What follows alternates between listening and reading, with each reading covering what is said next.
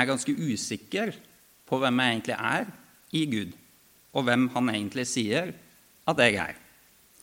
Og siden det er eh, tilfellet, da, så ber jeg eh, om at dere kan anse dette for å være mer et sånn innblikk i eh, noen av mine spørsmål og noen av mine betraktninger som eh, gjerne kan bli eh, formulert som konkrete utsagn, men husk at det da er et innblikk i mine spørsmål og mine betraktninger.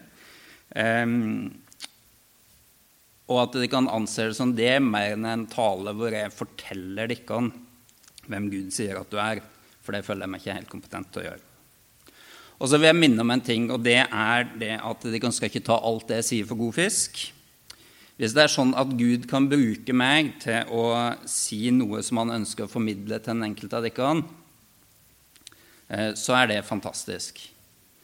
Ehm, men uansett om det skulle være tilfellet, så er det sånn at eh, når Gud bruker mennesker til å formidle noe om Han, eh, så kommer budskapet alltid til å bli noe forvrengt. Og da er det viktig at de kan prøver det som blir sagt, opp mot det som står i eh, Bibelen.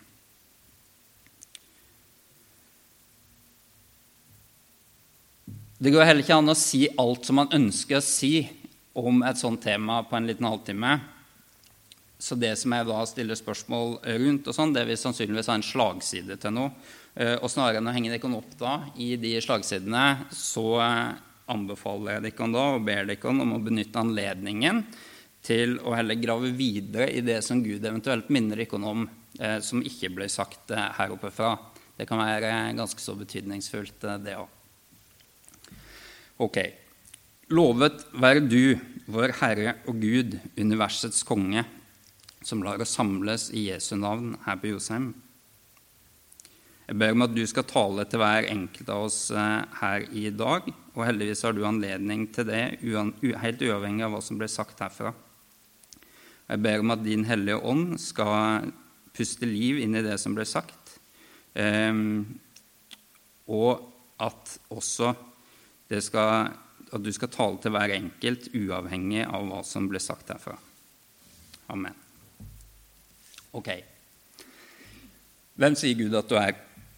Jeg sa at jeg på mange måter er litt usikker på hvem jeg egentlig er i Gud.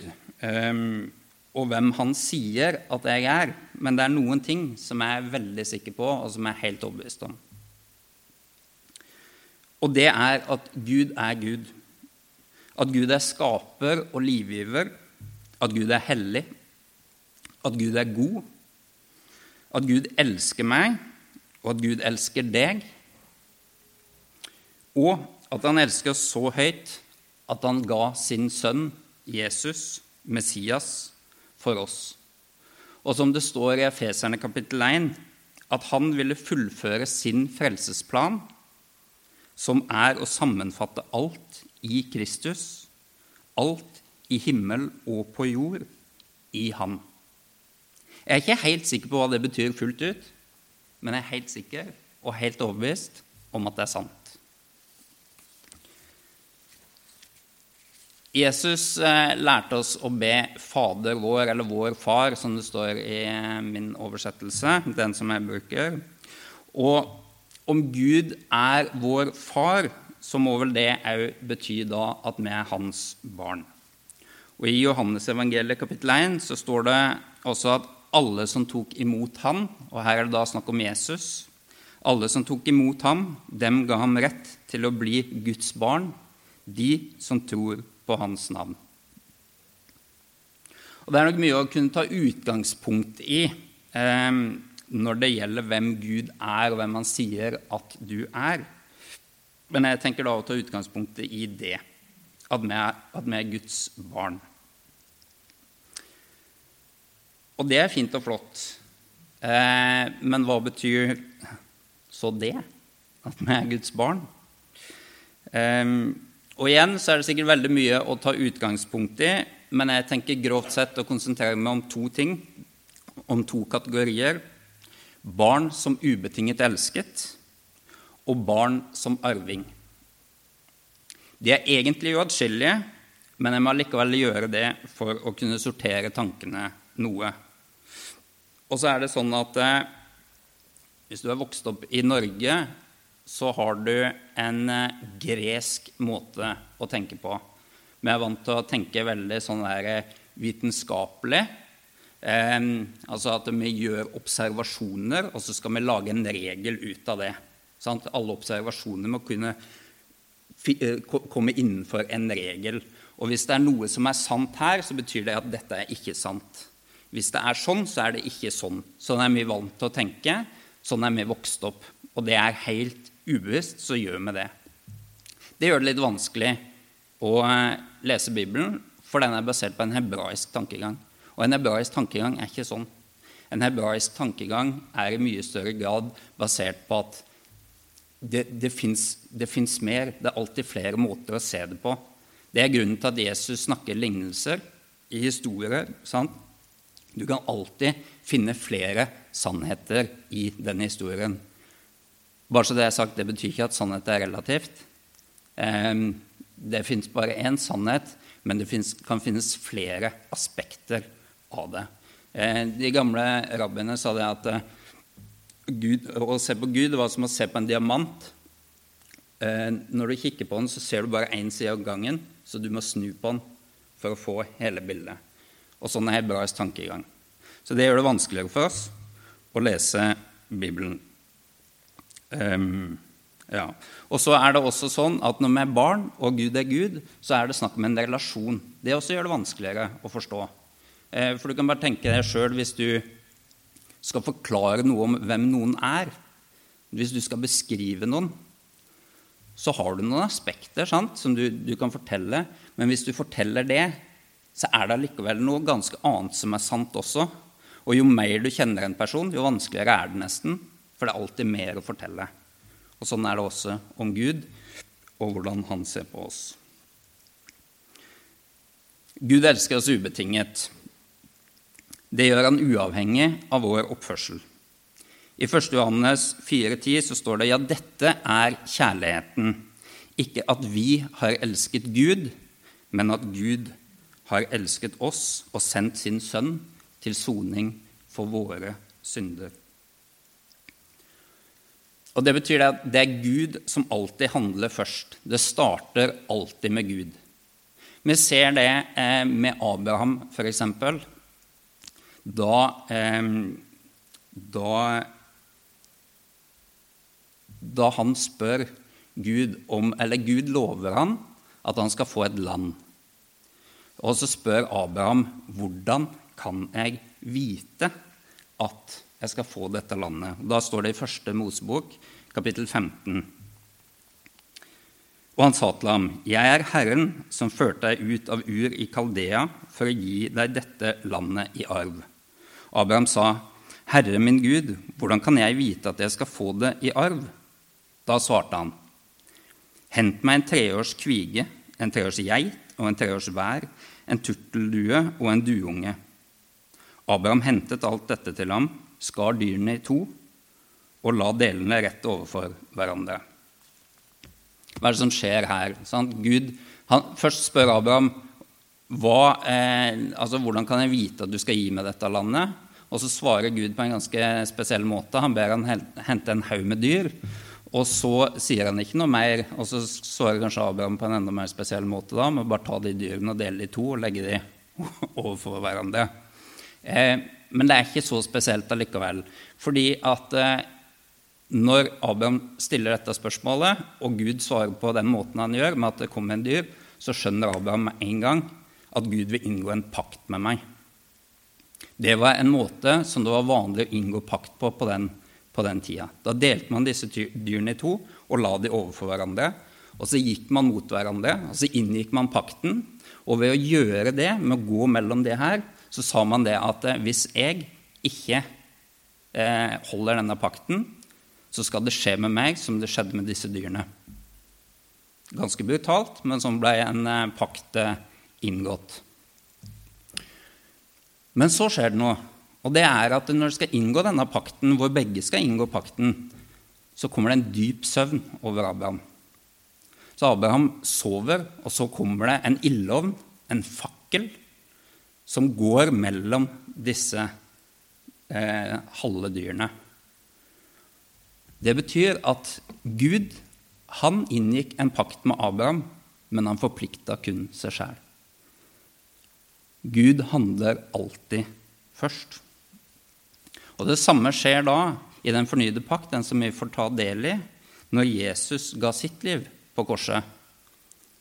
Så skjer det faktisk med han at han blir delt i to på et vis.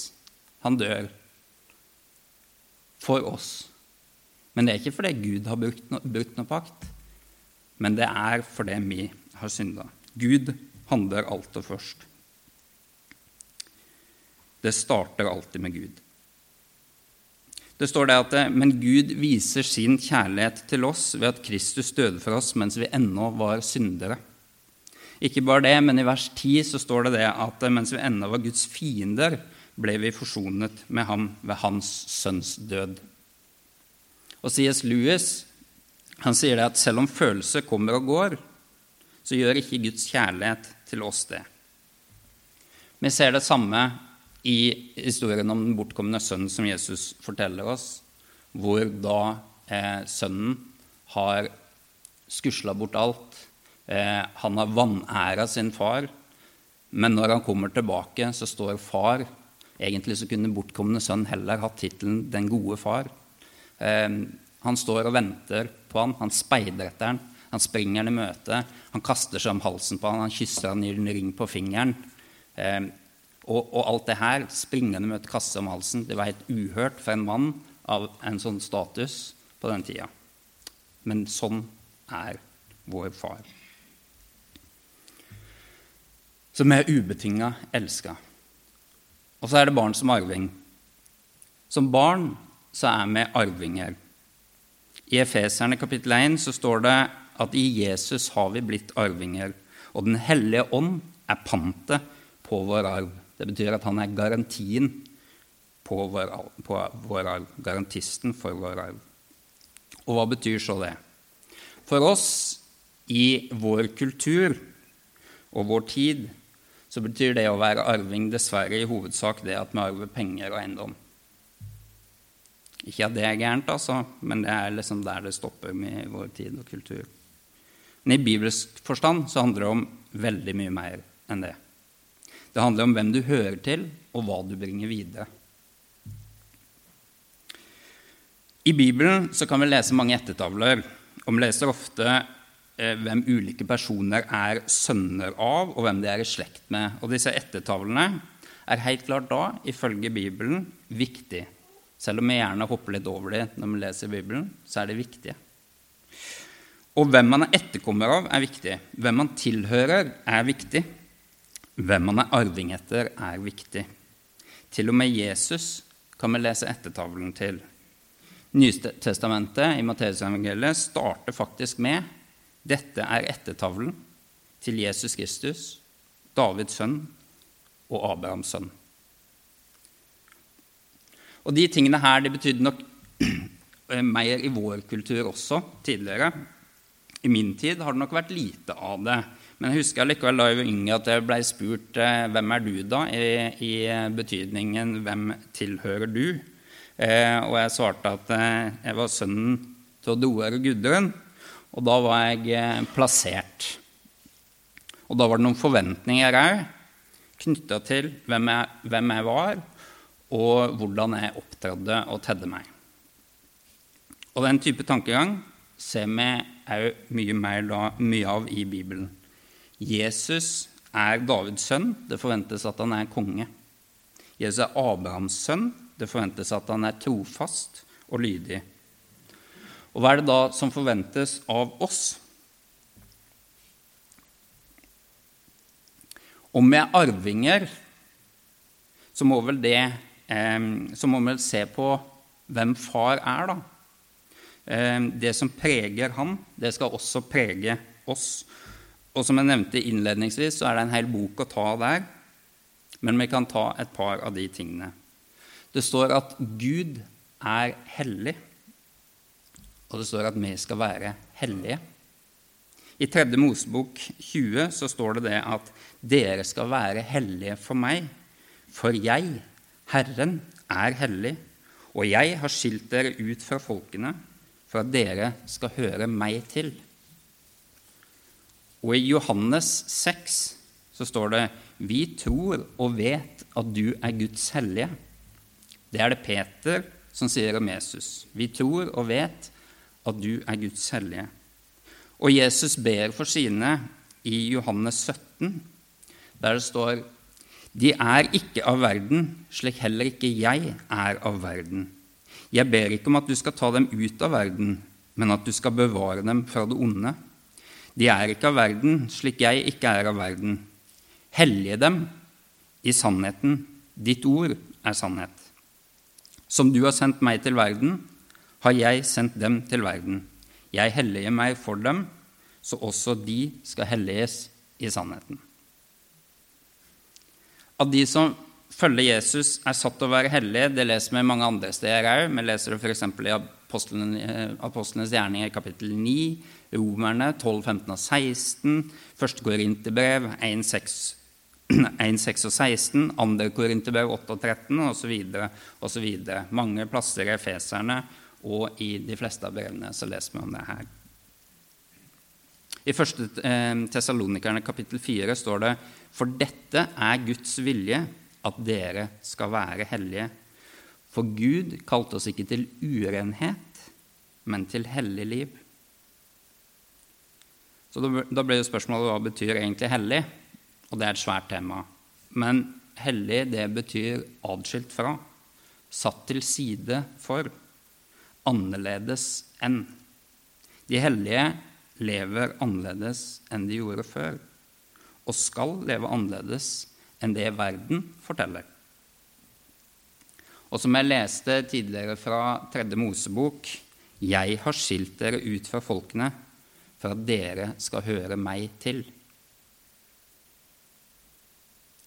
Som er også hellige, annerledes enn, satt til side til å tjene Gud og vår neste i lydighet til Gud, i lydighet til Jesus. Når Jesus blir bedt om å si hvilke bud som er det største i loven, så sier han du skal elske Herren din Gud av hele ditt hjerte, av hele din sjel og av all din forstand. Dette er det største, første, det største og første budet, men et annet er like stort. Du skal elske din neste som deg selv. På disse to budene hviler hele loven og profetene. Altså hele den kjente Bibelen på den tida. Det han sier her, det er en kontekst. Og det er ikke noe som kan tolkes helt uavhengig av den konteksten. Og det er verdt å merke seg at den som spurte han om dette, han var en lovkyndig. Det betyr at han kunne hele Gamle Testamentet på rams, forlengs og baklengs. Um, sånn når Jesus visste dette, nei, når Jesus viste til det her, så visste den lovkyndige nøyaktig hvilken kontekst han viste til. Og Jesus han henter det her fra 5. Mosebok kapittel 6 og 3. Mosebok kapittel 19. Begge plassene står det i kontekst av at Gud gir de regler å leve etter som hellige. Noe av det som står knytta til den første delen, det er Hør, Israel, Herren er vår Gud, Herren er én. Du skal elske Herren din Gud av hele ditt hjerte og av hele din sjel og av all din makt. Disse ordene som jeg pålegger deg i dag, skal du bevare i ditt hjerte. Du skal gjenta dem for dine barn og snakke om dem når du sitter i ditt hus, og når du går på veien, og når du legger deg, og når du står opp. Du skal binde dem om hånden som et tegn og ha dem på pannen som et merke. Du skal skrive dem på dørstolpene i huset ditt og på portene dine. Og I den andre delen, som Jesus henter det fra, så står det bl.a.: Dere skal være hellige, for jeg, Herren deres Gud, er hellig. Dere skal ikke vende dere til avgudene. Du skal ikke skjære kornet helt ut til åkerkanten, og de aksene som ligger igjen når du har høstet, skal du ikke sanke sammen. På vinmarken skal du ikke sanke de druene som blir igjen, eller plukke dem som er falt ned. Du skal la dem være igjen til de fattige, og innflytterne. Dere skal ikke stjele, og dere skal ikke lyve, og dere skal ikke fare med svik mot landsmenn. Dere skal ikke sverge falskt med mitt navn, for da vanhelliger du din Guds navn. Jeg er Herren. Du skal ikke undertrykke din neste eller røve noe fra ham. Du skal ikke la lønnen til en dagarbeider ligge natten over hos deg. Du skal ikke forbanne en som er døv, og ikke legge snublesteiner i veien for den som er blind. Du skal frykte din Gud. Jeg er Herren. Dere skal ikke gjøre urett når dere dømmer. Du skal ikke holde med den svake parten og ikke ta parti for den mektige. Du skal dømme landsmannen din rettferdig. Du skal ikke gå rundt og baktale ditt eget folk. Du skal ikke stå din neste etter livet. Du skal ikke bære hat til din bror i hjertet, men du skal tale landsmannen din til rette, så du ikke fører synd over deg for hans skyld. Du skal ikke ta hevn og ikke bære nag til landsmennene dine, men du skal elske din neste som deg selv. Jeg er Herren. Du skal holde mine forskrifter. Når Jesus sier hva som er det viktigste budet, så viser han til kontekster som virkelig beskriver hva det vil si å elske Gud av hele ditt hjerte, av hele din sjel og av all din forstand. Og hva det vil si å elske de neste som deg selv. Og Dette samsvarer med det som står i Mika 6,8. Og hva krever Herren av deg? Bare at du gjør rett, viser trofast kjærlighet og vandrer ydmykt med din Gud. Bare det. Det som er tydelig her, er at å elske Gud og elske de neste på ingen måte handler om, bare om en følelse, sånn som Hollywood-versjonen av å elske tilsier. Det handler om handling. Det handler om hvordan vi opptrer. Og da er det passelig å stille spørsmålet som disiplene gjorde, sånn som det står i Matteus 19. Da disiplene hørte dette, ble de forskrekket og spurte, 'Hvem kan da bli frelst?' Jesus så på dem og sa, 'For mennesker er dette umulig, men for Gud er alt mulig.' Jeg vil nå minne om at i hebraisk tankegang så kan flere ting sammenholdes på én gang. Diamanten. Sant? Som jeg nevnte, så er det sånn at Gud er den som handler først. Det starter alltid hos ham. Det var Gud som ledet israelsfolket ut av Egypt. Alt de trengte å gjøre, var å gå, men de måtte gå. Gud skilte Rødehavet for deg. Alt de behøvde å gjøre, var å krysse over, men de måtte krysse over. Gud redda dem fra slangen i ørkenen. Alt de behøvde å gjøre, var å se på kobberslangen, men de måtte se på kobberslangen. Gud ga dem mat i ørkenen i form av manna. Alt de behøvde å gjøre, var å sanke sammen. Men de måtte sanke sammen. Og Jeg minner igjen om 1. Johannes 4,10, så står at det står der Ja, dette er kjærligheten. Ikke at vi har elsket Gud, men at Han har elsket oss og sendt sin sønn til soning for våre synder. Alt vi behøver å gjøre, er å gå på Hans ord. Og det er ikke lett. Men da har jeg lyst til å sitere pappa, som eh, alltid sa det til meg da jeg klagde over at ting ikke var lett. Er det noen som har sagt at det skal være lett? Første eh, til femte Mosebok, det heter Torah på hebraisk. Eller Torah, som jeg ofte sier. Vi kaller det loven. Men det det egentlig betyr, det er å treffe blink. Og folkens, vi kommer til å bomme. Vi kommer til å bomme grovt. Men det betyr ikke at vi skal slutte å forsøke å treffe.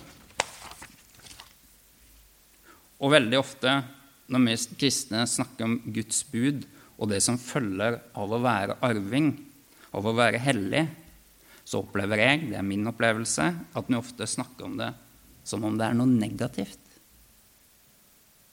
Nei, jeg kan ikke si det at vi som kristne skal leve sånn. Det blir for heftig. Alt er jo gjort opp, så vi behøver ikke dra det så langt. Men da glemmer vi flere ting. Og det ene er at Guds bud og regler for oss er gode. De er ikke onde. Det er å treffe blink, ikke å bomme.